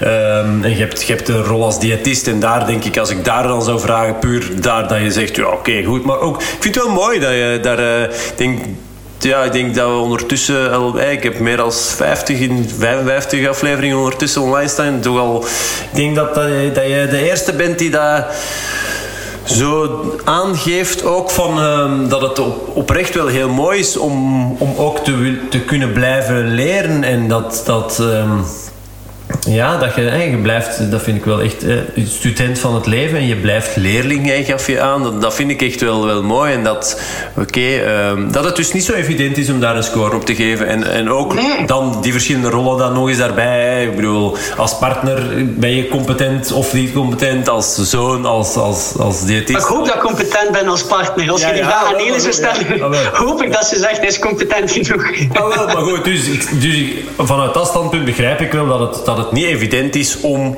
jou direct zo daar een bepaald vast cijfer op te plakken. Want, want goed, vanuit de verschillende rollen die je hebt, je hebt verschillende competenties in verschillende rollen. Dus eh, ja, nee, nee. Ehm, en eh, van, jou, eh, van jouw zus, dat is eh, toch ook wel een boeiend eh, verhaal. Maar goed, dat zou ons misschien eh, ook weer al eh, te ver eh, eh, afleiden. Maar ehm, nee, nee, oké. Nou, dus dat... ehm, ja, die film, ja, oké. Oh ja. Ja, oké. Eh, verrassend, verrassend. Nee, en eh, hoe om te gaan met, met, uw, eh, met die angsten bijvoorbeeld, ja. Ik... ehm, weet je, als, je, als het u echt effectief gaat... ehm, zo in die mate gaat bezighouden dat je... dat, dat je constant aanstaat, zoals jij, jij het zegt. Ik bedoel, er zijn, er zijn bepaalde dingen. Hè, als, als het, angst is eigenlijk ook een vorm hè, van stress. Ik, ik zeg ook wel eens van: oké, als, je, als je echt stress ervaart, ja goed. Welke concrete dingen geven u dan stress? Maar in, in, dit, in uw geval is dit redelijk duidelijk. De angst om, om uw ouders te verliezen. En, en ehm, die dood is heel dicht, dichtgekomen. Maar aan de andere kant, eh, angst en stress, dat heeft ehm, altijd ofwel ehm, bepaalde concrete oorzaken. Maar er zijn ook altijd dingen die, waar je, hoe jammer ook, maar geen enkel vat op hebt. Ik bedoel, en ik weet dat het op zich misschien een, een slecht advies is, maar het is het beste advies dat, dat er bestaat dat ik u kan geven. De dingen waar dat je, je hebt bepaalde dingen, de dingen waar dat je geen controle over hebt, daar kun je nog zo druk in gaan maken. Het feit dat je er geen controle over hebt, ja, betekent dat je ze moet kunnen loslaten. Want, want je kunt daar zoveel tijd en energie gaan insteken, maar je hebt er toch geen controle over. Het feit dat iemand zou sterven, stel, uw vader, dat, dat is verschrikkelijk, maar je hebt daar jammer genoeg geen controle over. Of je kunt natuurlijk gaan denken, eh, ja, misschien wel heb ik over bepaalde dingen, door erover te babbelen, over hem ook zo gezond mogelijk. En bijvoorbeeld cardiovasculair, om te zien dat zijn hart getraind raakt. Snap je? Dus het gaan, gaan opsplitsen in welke dingen hebben we controle over en over welke dingen hebben we geen controle? Die, die dingen waar je controle over hebt. Ik zeg altijd, probeer die eens de helft beter te doen dan dat je ze anders zou doen. Hè? Uh, en de dingen waar je geen controle over hebt, hoe jammer dat dat ook is, hoe? Het zegt het zelf. Je hebt er geen controle over, dus laat het los. Want het gaat u alleen maar leegzuigen en, uw energie en, en, uw tijd leeg roven. En, en dat, dat gaat u... Eh, dus als dat al misschien een... een ja, maar dat klopt zeker. Dat klopt zeker, Frederik. En, en bedankt voor, voor dat nog eens te beklemtonen. En, en dat is een heel waardevol advies. Dat advies heeft mij trouwens in, in, in de Stoïcijnse filosofie wat meer geduwd. Ik ben, ik ben een denker. Hè. Een van mijn hobby's, zeg ik altijd, is denken. Uh, dat is soms een nadeel, dat is soms een groot voordeel. Maar, maar het is inderdaad vanuit die gedachte van wat dat je niet onder controle hebt moeten loslaten. Maar de Stoïcijnen zijn daar heel erg in getraind. En opnieuw een voorbeeld van, ah, ik merk iets op en ik ga me daarin verdiepen hoe dat ik het kan aanpakken. En natuurlijk zoekt je daar hulp in en, en en omringt je met mensen die je daarin kunnen helpen. Maar het is heel fijn om dat ook nog eens van jou te horen, Frederik, dat dat inderdaad een, eh, een belangrijk iets is. Ja, oh wel. Met veel plezier. Goed, uh, derde psychologische basisbehoefte, autonomie niet alleen jezelf kunnen zijn, je, ja, je eigen beslissingen kunnen nemen, dus tot een groep behoren, hè, die verbinding ervaren, maar toch ehm, ja, daar, daar jezelf in kunnen zijn binnen die groep, binnen, eh, in die verbinding met anderen. Uh, in hoeverre heb jij het gevoel jezelf te zijn, te kunnen zijn, in welke setting dat dat dan ook is? Die score zal heel hoog liggen. Ik denk dat ik daar 90 durf op geven. Um, omdat ik een heel duidelijk beeld heb um, wie dat ik ben of wie dat ik wil gaan zijn. Mhm. en, en dat is sowieso een evolutie. Um, ik zeg je, toen dat, dat met papa gebeurde en met mama was dat allemaal minder duidelijk. Dan was ik echt zo op zoek naar mezelf van oké, waar sta ik nu? Maar nu, zoveel maanden later, is dat, is dat wel weer, weer duidelijk en, en, en geloof ik daar ook weer heel sterk in. Mm ik ben altijd iemand geweest die, die um, dat, voor sommige mensen egoïstisch, maar ik vind het woord egoïstisch uh, een woord dat heel vaak verkeerd gebruikt wordt. Omdat mijn overtuiging is van oké, als ik weet waar ik naartoe wil, als ik weet wie dat ik ben, in de mate hoe dat ik nu als 26-jarige daarover denk, als ik weet wat, dat kan, wat mij kan helpen en wat mij niet kan helpen, welk resultaat geeft mij dat? Ah, oké, dan voel ik mij goed, dan heb ik meer energie, dan ben ik gelukkig. Oké, en als ik dat ben, welk resultaat heeft dat dan voor anderen? Ah, dan kan ik alle aandacht en energie geven aan Nele. Dan kan ik de zoon zijn die ik wil zijn. Dan kan ik de tweelingsbroer zijn. Dan kan ik de coach zijn. Dan kan ik, weet je, dan kan ik op iedereen in mijn omgeving een positieve een glow hebben. Hè, een positieve gloed hebben. Dus stel dat ik dat niet zou doen. En dat is een, een belangrijke les voor veel mensen. Stel dat ik niet zo op mezelf zou gesteld zijn daarin. En mezelf niet op de eerste plaats zou zetten. Welk gevolg zou dat geven? Als je altijd maar dingen doet voor een ander, maar zonder er zelf weinig energie van te krijgen. Als je altijd klaar staat voor iemand anders, maar zelden, zij zelden voor jou. Hmm. Als je zelf voorbij loopt in de opvoeding van je kinderen, en zo zijn er veel verhalen die ik hoor. Ja, ja. Maar het resultaat zou dat geven ten opzichte van jezelf. En, en ten opzichte van de mama die je wilt zijn, ten opzichte van je kinderen, of de papa, of de collega, of de werkgever of werknemer. Dat is een ander verhaal. Dus ik ben liever meer egoïstisch dan, in de volksmond genoemd, dan dat ik mezelf moet achteruit steken, wat een effect heeft op de mensen die ik graag zie en die ik graag help. Ehm, dus daarom dat ik die hoge score geef, omdat ik vind dat ik ehm, goed ben in het keuzes maken voor mezelf, wat dat ik weet dat op mijn levenspad ligt, om het dan heel spiritueel te zeggen. Ja, ja, um, ja.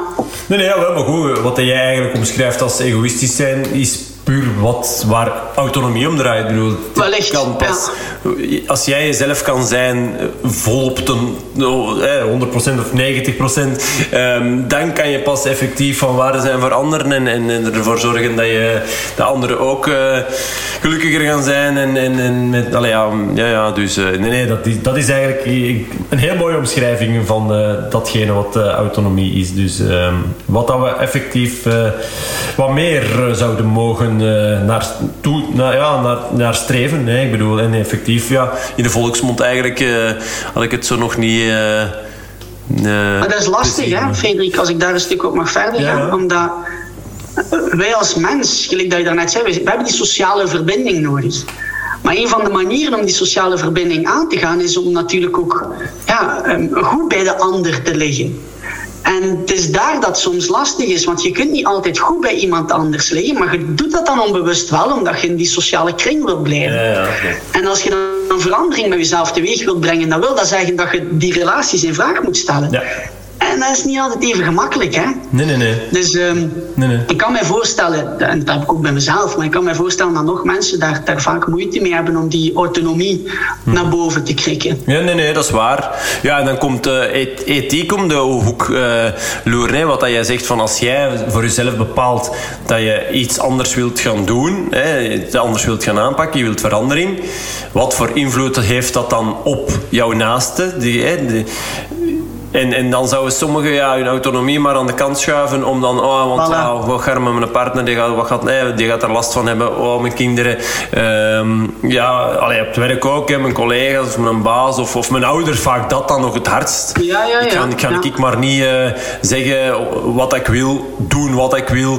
Um, want ja, mijn ouders, hoe garmen, wat gaan die niet denken? Allee, en, en ik denk uh, ja, dat jij daar wel redelijk goed geplaatst en, en jouw zus nog, nog veel harder bedoel, Zeker. Dat, dat zij daar... Noah is het grootste voorbeeld daarvan. Tuurlijk. Van hoe dat je zo op jezelf kunt zijn, oh. dat je zo sterk wordt, dat alles wat de anderen dan... Het is normaal dat je... Zij denkt ook na over wat denkt iemand van mij. Dat is supermenselijk. Maar ze laat het veel minder tot zich komen, waardoor dat ze meer een afscherming heeft en weet, dat is wie dat ik ben. Ja. En wat al de rest daarvan vindt of denkt, zo so be it. Ja. En dat is super, super krachtig als je op dat niveau komt. Ja, ja, ja. Ah, wel, want zij had even goed kunnen, kunnen uh, zeggen van, ja, ik ga, ik ga niet aangeven dat ik, dat, dat ik ja, in mijn mannenlichaam ja, niet... Zo zijn hè? Hoe gaan, ja. wat gaan mijn ouders niet... Dat is, dus zij had puur haar autonomie volledig aan de kant kunnen uh, uh, zetten. En, nee, nee, ik ga maar gewoon voor de verbinding en de goede vrede. Te, voor... Maar wat is dan het alternatief, hè? Zonder te ver uit te weten in de ander werk. Maar voor hen, wat is het alternatief? Dus ofwel volledig voor zichzelf gaan, want je wordt daarmee geboren. Dat is geen keuze, dat is wie dat je bent. Ofwel is het zelfmoord, hè? heel vaak. En dat klinkt heel donker, en is, maar, maar oh, eh, het is één van die twee. Hè? Of een hele leven lang leven in een gedachte en een illusie dat niet bij u past. En depressief worden en niet gelukkig worden. En zo zijn er nog. Dus dat zijn de drie opties. En bij Nora was het van, nee, uh, no. is wie dat ik ben. En ik heb het recht om dat te hebben. Ja, en goed, het heeft, het heeft voor haar goed uitgedraaid. Ja, super mooi. Oké, okay, top.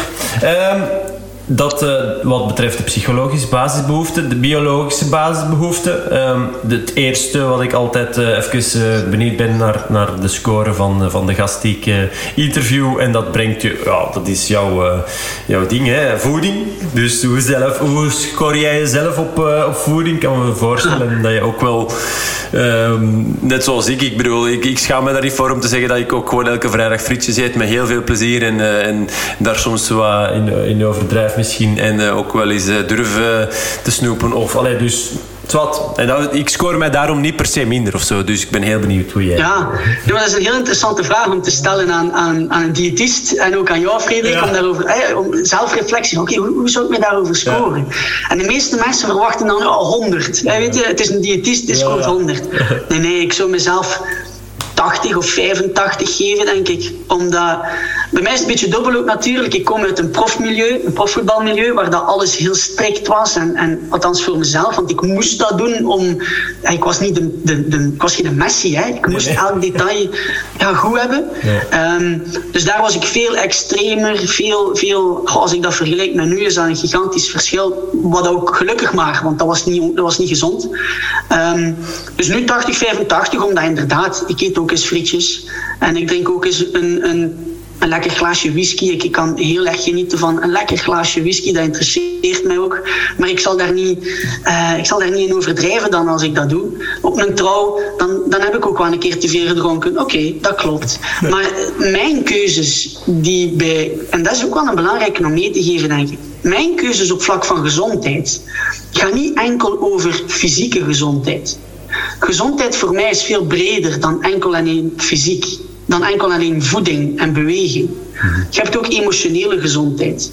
Je hebt spirituele gezondheid. en je hebt sociale gezondheid. Dus als ik beslis om, um, geef maar een voorbeeld, hè, te gaan eten op een vrijdagavond en ik drink een lekker glas wijn, en dan zijn er misschien zelf twee, dan werk ik misschien op dat moment minder aan mijn fysieke gezondheid, maar ik werk wel aan mijn emotionele gezondheid en sociale gezondheid, omdat ik samen ben met mensen die ik waardeer. En wellicht ook aan mijn spirituele gezondheid, omdat ik diepe gesprekken aanga. En dat alleen hormonaal in het lichaam, biologisch in het lichaam, geeft zoveel mooie veranderingen die die twee glazen wijn niet kunnen doen. Is alcohol gezond? Nee, tuurlijk niet. Moet je daar niet overdrijven? Nee, tuurlijk niet. Maar ik wil mensen ook aantonen dat gezondheid niet enkel het fysieke gedeelte is. Dat het niet 100% perfect hoeft te zijn om gezond te zijn. En hoe dat, dat uitgewerkt wordt, dat is voor iedereen anders. Voor mij is dat zo, en voor jou is dat zo, en voor iemand anders is dat iets anders. Ja. Um, maar dat is wel belangrijk om bij stil te staan. Dat we die druk er soms wel wat afhalen met de focus op voeding alleen. Ja, ja, ja. Nee, nee, dat is ook wel. Dat is ook wel. Allee, de mensen die mij al een langere tijd volgen en bijvoorbeeld mijn boek hebben gelezen, ja, daar, daar, eh, dat voelt precies als ik dat nu zo over vertel als een vorig leven of zo. Ik bedoel, mhm. ja, dat, maar, maar uh, ja, dat, dat voelt nu, dat komt ineens nu zo binnen, zo dat ik denk, ja, hoeveel dat ik daar niet heb over verteld vroeger. En dat is, als, als ik nu cliënten heb en, en, en een coach, dan vertel ik eigenlijk nooit nog over voeding of over, uh, over dat of, of over bewegen of zo. Of toch heel weinig concrete tips daar rondtrend. Maar, maar mijn boek staat, wat dat jij net aangeeft, van, mijn boek ging eigenlijk altijd over fitheid. Dat dat voor, voor, voor, heel veel mensen gespierd, sportief, niet geblesseerd zijn betekent. En dat, daar heb ik ja, jaren pleidooi voor gevoerd. Van kijk, emotionele fitheid, uh, mentale fitheid is even... Ik noemde het dan fitheid, want uh, mijn, mijn, zaak noemde woord fit. Dus dat was, dat was redelijk logisch. Jij noemt het gezondheid, maar, maar bij mij was dat fysieke fitheid, mentale fitheid. En dat je die twee niet van elkaar kunt loskoppelen. En, uh, ja, ja, dus ehm, helemaal mee. En ja, ja, ja, uiteraard zijn voedings... In mijn, in mijn sector dan en de mensen die ik help, is, is concrete voedingstips zeker ook wel belangrijk. Als ik kijk naar mijn boek, hè, Verlos van Verleiding, is opgedeeld in mindset en gewoontevorming. En dan ook concrete uh, tips en tricks, hoe dat je, dat je emotioneel eten kunt aanpakken. Dus de, de, de tips zijn er zeker en de strategieën zijn er zeker om te dienen. Ja. Maar het is dan niet alleen. Hè. Nee. En, het, en, het hoeft geen ramp te zijn hè, om, om eens een glas wijn te drinken of eens een frietje te eten. Hè. Integendeel. Integendeel. Nee, nee. Alright, perfect. Uh, slaap. Hoe score jij jezelf op slaap? Oh, um, als ik het nu bekijk, niet zo goed. Uh, dan denk ik dat ik daar een, een, een 70 op zou geven. Mm -hmm. Misschien zelfs 65. Mm -hmm. um, dat is natuurlijk ook een beetje de periode waar ik nu in zit. Um, mijn vriendin en ik hebben een huis gekocht. Er komt een tweede praktijkruimte in Putten. Uh, dus dat is, ja, dat is wel wat werk aan. Ik zit er wel mee bezig. Plus nog hè, de consulten en, en dergelijke. Dus het is redelijk druk op dit moment. Wat dat goed is, wat dat leuk is. Maar dat vraagt een beetje van mijn slaap. Um, en ook omdat ik, ik, ik, ik ben meer zo'n avondmens. Ik um, hou er wel van om... om Allee, liever een avondmens dan een ochtendmens. Maar als ik naar mijn slaapgewoontes kijk, dan denk ik: oké, okay, uh, misschien kan ik iets vroeger die gsm wegleggen. Um, misschien kan ik um, iets vroeger gaan slapen, soms op momenten. Uh, dus dat zijn zo de twee puntjes waar ik van denk dat moet beter. Mm. S ochtends valt eigenlijk, valt eigenlijk goed mee. Daar heb ik mijn ochtendgewoontes, dat, dat, dat heb ik zodanig getraind. Maar s'avonds is nog een beetje werk aan. Ja. Maar je wordt wel uitgerust wakker. Ja, ik heb niet het gevoel dat ik... Uh, oh, de ene moment is ook anders dan de andere. Maar ik heb niet het, moment, niet het gevoel dat ik... Uh, dat ik heel vermoeid wakker word. Nee. Ik word wakker in de zin van, ik pak mijn journal bij mij, ik schrijf, ik lees en dan komt mijn lichaam op gang en dan uh, ja. stap ik uit bed en begint een dag. Oh, ik, uh, ik hoor het jou heel graag zeggen van uh, ik, ik, ik, omarm ook zeker de kracht van journaling en van schrijven en van, van lezen uiteraard ook. Um, maar het is wel, um, we zullen binnen dit interview misschien binnen tien jaar nog eens overdoen. Ja, met twee kleine kindjes in huis is dat... Uh, probeer het ook nog wel even zo. Maar ja, goed, dat, moet, uh, dat is dan echt wel effectief. Dat egoïsme, die autonomie. Ik zou dan wel hè, morgens misschien even willen ontwaken met toch even met een boek nog open doen. En al is het maar een half bladzijde lezen. Uh, langs de andere kant denkt hij, ja, maar ja, Veronique zit dan wel met die twee kinderen een trap af te gaan. Ja. En, nou, wij, wij wonen. Uh, dus, dus, alles wat. Dat, snapte daar. Er is een leuk boekje, Frederik, omdat je dat nu zegt. Het is een leuk boekje. one, one line a day. Ah, ja. waarbij dat je ene zin schrijft, elke dag. Ah, dus bij mij duurt dat 20 seconden. Dat ik gewoon een gedachte neerschrijf of een quote of iets wat in mijn mind zit. Maar je zet wel een bepaalde intentie dat je controle neemt, ook al is het drukker. Misschien kan dat helpen. Mm One line a day, denk ik dat noemt. Dus ja, ik had, uh, ik had opzoeken. Ja, dat is goed. Dank je wel. ah, wel ja, ja, want inderdaad, uh, het boekje ligt daar. En dan, ik probeer dan uh, ook niet elke dag, maar zo regelmatig eens drie dingen op te schrijven. Of, of, ja, drie tot vijf dingen waar ik dankbaar voor ben. die goed zijn gegaan, bijvoorbeeld dat soort dingen. Maar dat is dan eerder, ja, s'avonds, maar als morgens, ja, one line moet toch wel nog lukken. dat moet lukken, hè? ja. Alright. Um, Volgende biologische basisbehoefte waar we allemaal als mens nood aan hebben, beweging. Dat, dat, daar durf ik ook hoog in scoren. Ik denk dat dat 95 is, 90, 95. Ik, ik doe recreatief triathlon op dit moment. Ik uh, ben er niet zo goed in, ik ga dat eerlijk toegeven. Uh, om, ja, ik heb niet de motor die sommige anderen hebben. Uh-huh. Um, maar, maar het is iets wat mijn vriend mij in heeft meegesleurd. En dat een, goede, uh, een goed alternatief was voor na het voetbal. Uh-huh. Um, dus ik doe kwart triathlons. En de doelstelling voor volgende zomer is een halve. Uh-huh. pas op, mijn doelstelling is mijn doelstelling. Hè. Dat hoeft... Ja uh, niet de doelstelling te zijn voor de luisteraar. Maar ik voel me daar goed in. Dus ik, ik zwem regelmatig, ik fiets regelmatig. Nu is het vooral lopen. Um, ik, ik hou ook wel van beweging. De ene dag wat meer dan de andere.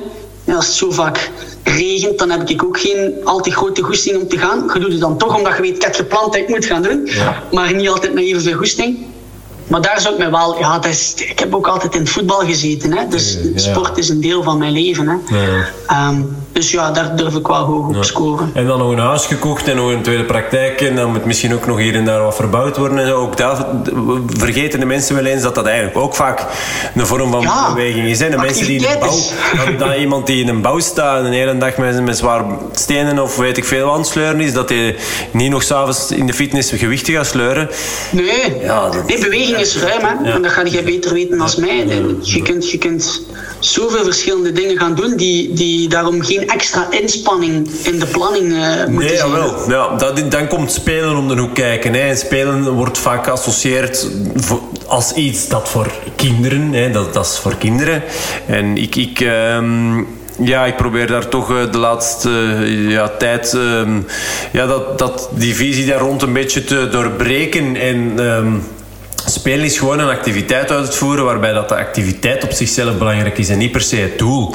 En dus voor, voor in jouw geval bijvoorbeeld toch nog eens een bal vastpakken en gewoon, in mijn geval ook, hier een bal, ik heb, eh, ik heb hier een muur en gewoon balken en, en een tijdje een balken tegen de muur uh, staan trappen en die terug laten komen, hup, controleren, hup, even, allee, wij, dat, is, dat is voor mij ook spelen, snapte? Dus, en als, ik speel ook met, oh, met, twee kinderen van 4,5 en 1,5, ja, speel ik ook genoeg met maar snap dat dus? Dat, dan is het ook een vorm van bewegen. En, en, en um, ja, dan kan het vaak gewoon echt heel krachtig zijn om eens na te denken van wat vond je als kind wel leuk bijvoorbeeld. Hè? En dan uh, hoor ik vaak van, ah ja, bijvoorbeeld rolschaatsen of zo. Dat vond ik, hè.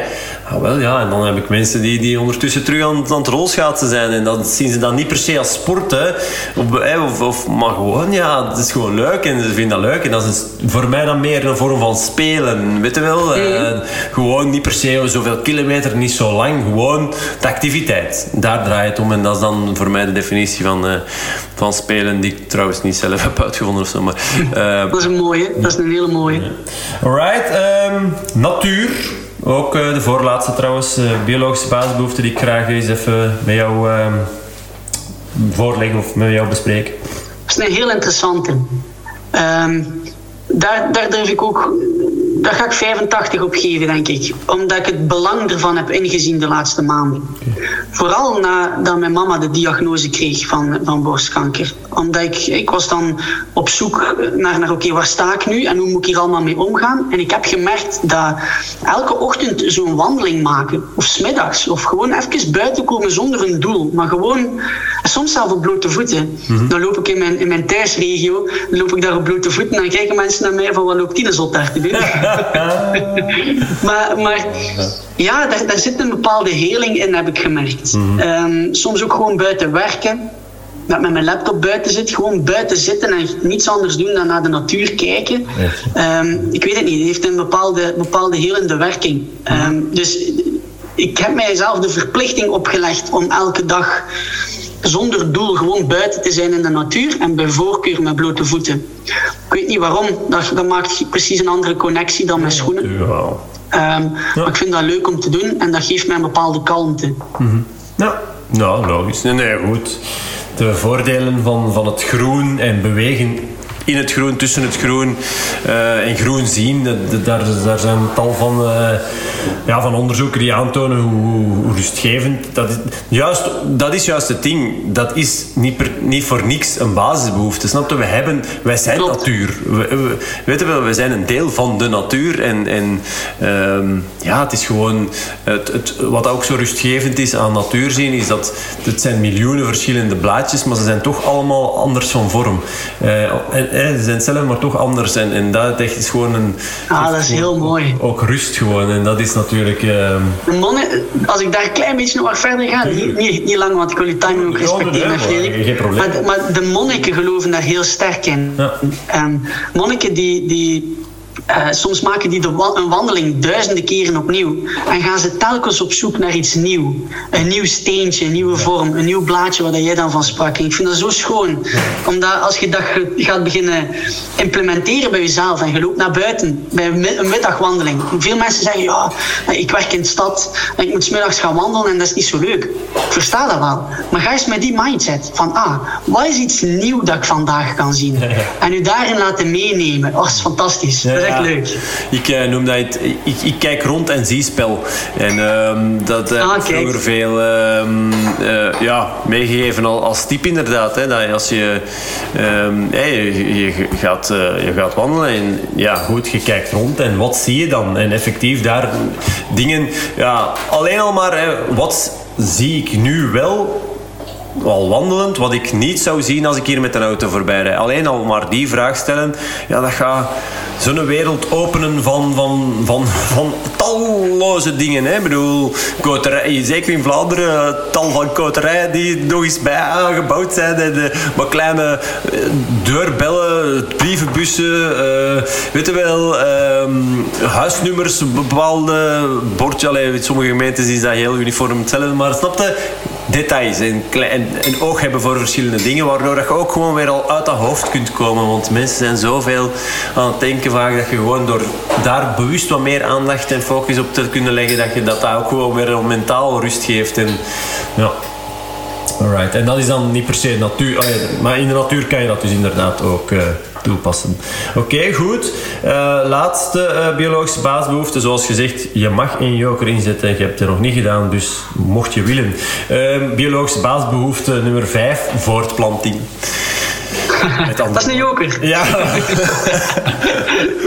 ja, nee, nee. Met andere... Ga, daar, daar, ben ik momenteel nog niet mee bezig. Pas op, ik had vroeger de gedachte um, dat ik vroeg papa wil worden. Ah, ja. Dat ik echt zoiets had van ik wil vroeg vader worden. Ja. Natuurlijk, naarmate dat je ouder wordt, begint ook wat meer en meer van het, uh, van het leven te kennen. Uh, en alles wat erbij hoort. En dan denk ik van, nee, nee, laat mij eerst nog maar goed voor mezelf zorgen. En zeker nu mijn Nelen de volgende stap maken. En dan, uh, dan zien we wel. Dus momenteel, daar zet ik mijn joker voor in, Felix. maar, maar er is wel degelijk een, een kinderwens. Een, oh, ook dat is een lastige vraag, vind ik. Ik had daar vroeger een heel duidelijk antwoord op en dat was ja.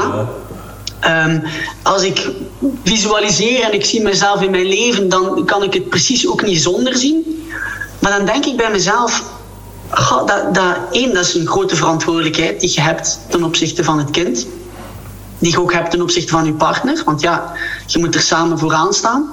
Um, dat brengt ook meer zorgen met zich mee, kan ik me voorstellen. Ja, ja. Um, dus dat is, dat is ik zie soms mensen in mijn omgeving, en dat is een goed recht, hè, ik zie soms mensen daarin springen met een, een vaak niet zo doordachte mindset erin. En heel vaak vanuit het gevoel van ben er klaar voor. En, en ik heb daar respect voor, zeker en vast.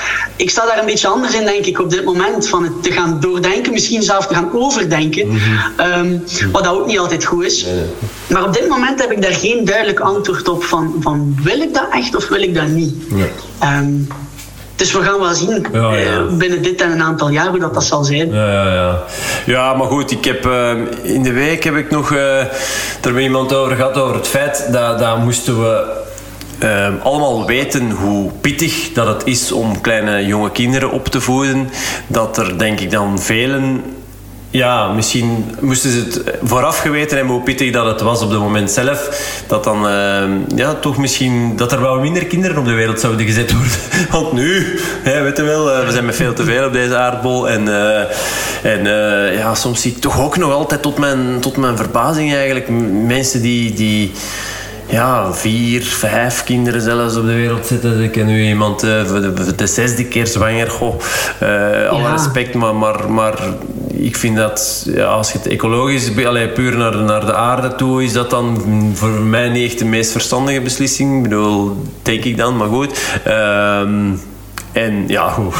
Wat, uh, ik, ik begrijp u wel. Ik, het is, uh, de impact is echt best wel groot. En uh, denk er uh, goed over na. En, en, en helemaal klaar kan je er denk ik ook nooit voor zijn. Nee, want... maar ik wil gewoon een duidelijk antwoord op waarom wil ik dan dat kind? Ja, en dat is voor mij nog niet duidelijk genoeg, dus dan moeten we er best nog even mee wachten. Is dat, zeker en vast.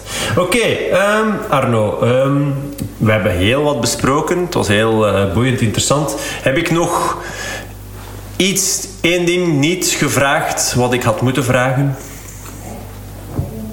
Uh, dat is een lastige vraag. Ja, dat wel. maar goed, is er nog één ding dat jij uh, wil, uh, wil meegeven? Uh, Misschien wel, gewoon puur voor de luisteraar. In die zin van, ik vind dat we een heel mooi gesprek hebben gehad. Ik, heb ik haal hier heel veel energie uit, ook voor vandaag. En het is heel fijn om, om, om ook met jou kennis te maken, Frederik.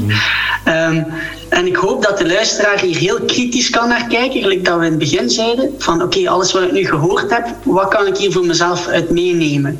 Want het zou zonde zijn dat we een, een mooi gesprek hebben, maar dat er, dat er geen actie blijft hangen bij hetgene die dit beluistert. En ik weet nu al een aantal zaken die ik mijn slaap, die dat ik dan nog eens benoemd heb, dat wordt een actiepuntje. Ja. Dus ik hoop dat iemand hier kritisch kan naar kijken en zeggen van, ah oké, okay, dat was interessant en dat puntje neem ik mee voor mezelf om mij eigen te maken en dan zie ik welk effect dat dat heeft voor mij. Dus ik hoop vooral dat dat een resultaat mag zijn voor iemand. Ja, dat is mooi. Dat is sowieso het doel van deze podcast, uh, toekoer, denk ik inderdaad. Hè, dat mensen al is maar één ding horen en denken, godverdikke, ja, dat ga ik doen vanaf nu. En, en, en, ja. Nee, nee, goed, alright. Maar het is mooi dat je het ook nog even benoemt. Um, nee, oké okay, Armo, uh, het, was, uh, het was heel boeiend. Um, dank u voor de tijd, voor de, ja, voor de positieve vibes en energie en, uh, en de glow, zoals jij het er straks, uh, die heb je, die heb je uh, voor de luisteraars. Ze, ze, zien hem niet, maar ik heb het mogen aanschouwen. Hij was er wel degelijk, dus dikke merci voor, voor alles. Jij bedankt, Frederik, voor de uitnodiging.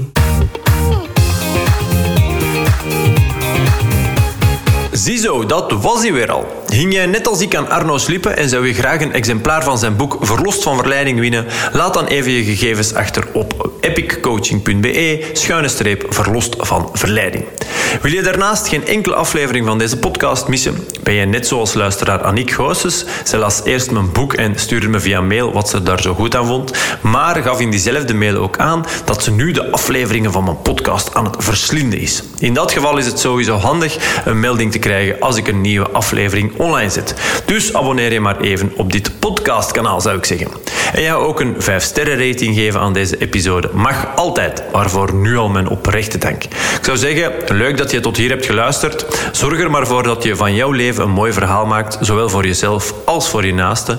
Mocht je hier moeite bij ondervinden en heb je eigenlijk alles wat je hartje belieft, materieel, financieel, maar ervaar je toch een soort van gemis, zou je best wel wat meer motivatie, energie en veerkracht willen om het merendeel van je tijd hier op aarde te kunnen doen van dat wat jouw leven de moeite waard maakt om te leven, Neem dan zeker maar even een kijkje op mijn website epiccoaching.be. Daar kan je een gesprek met mijn persoonlijke assistent inboeken. En wie weet spreken we elkaar dan wel zeer binnenkort.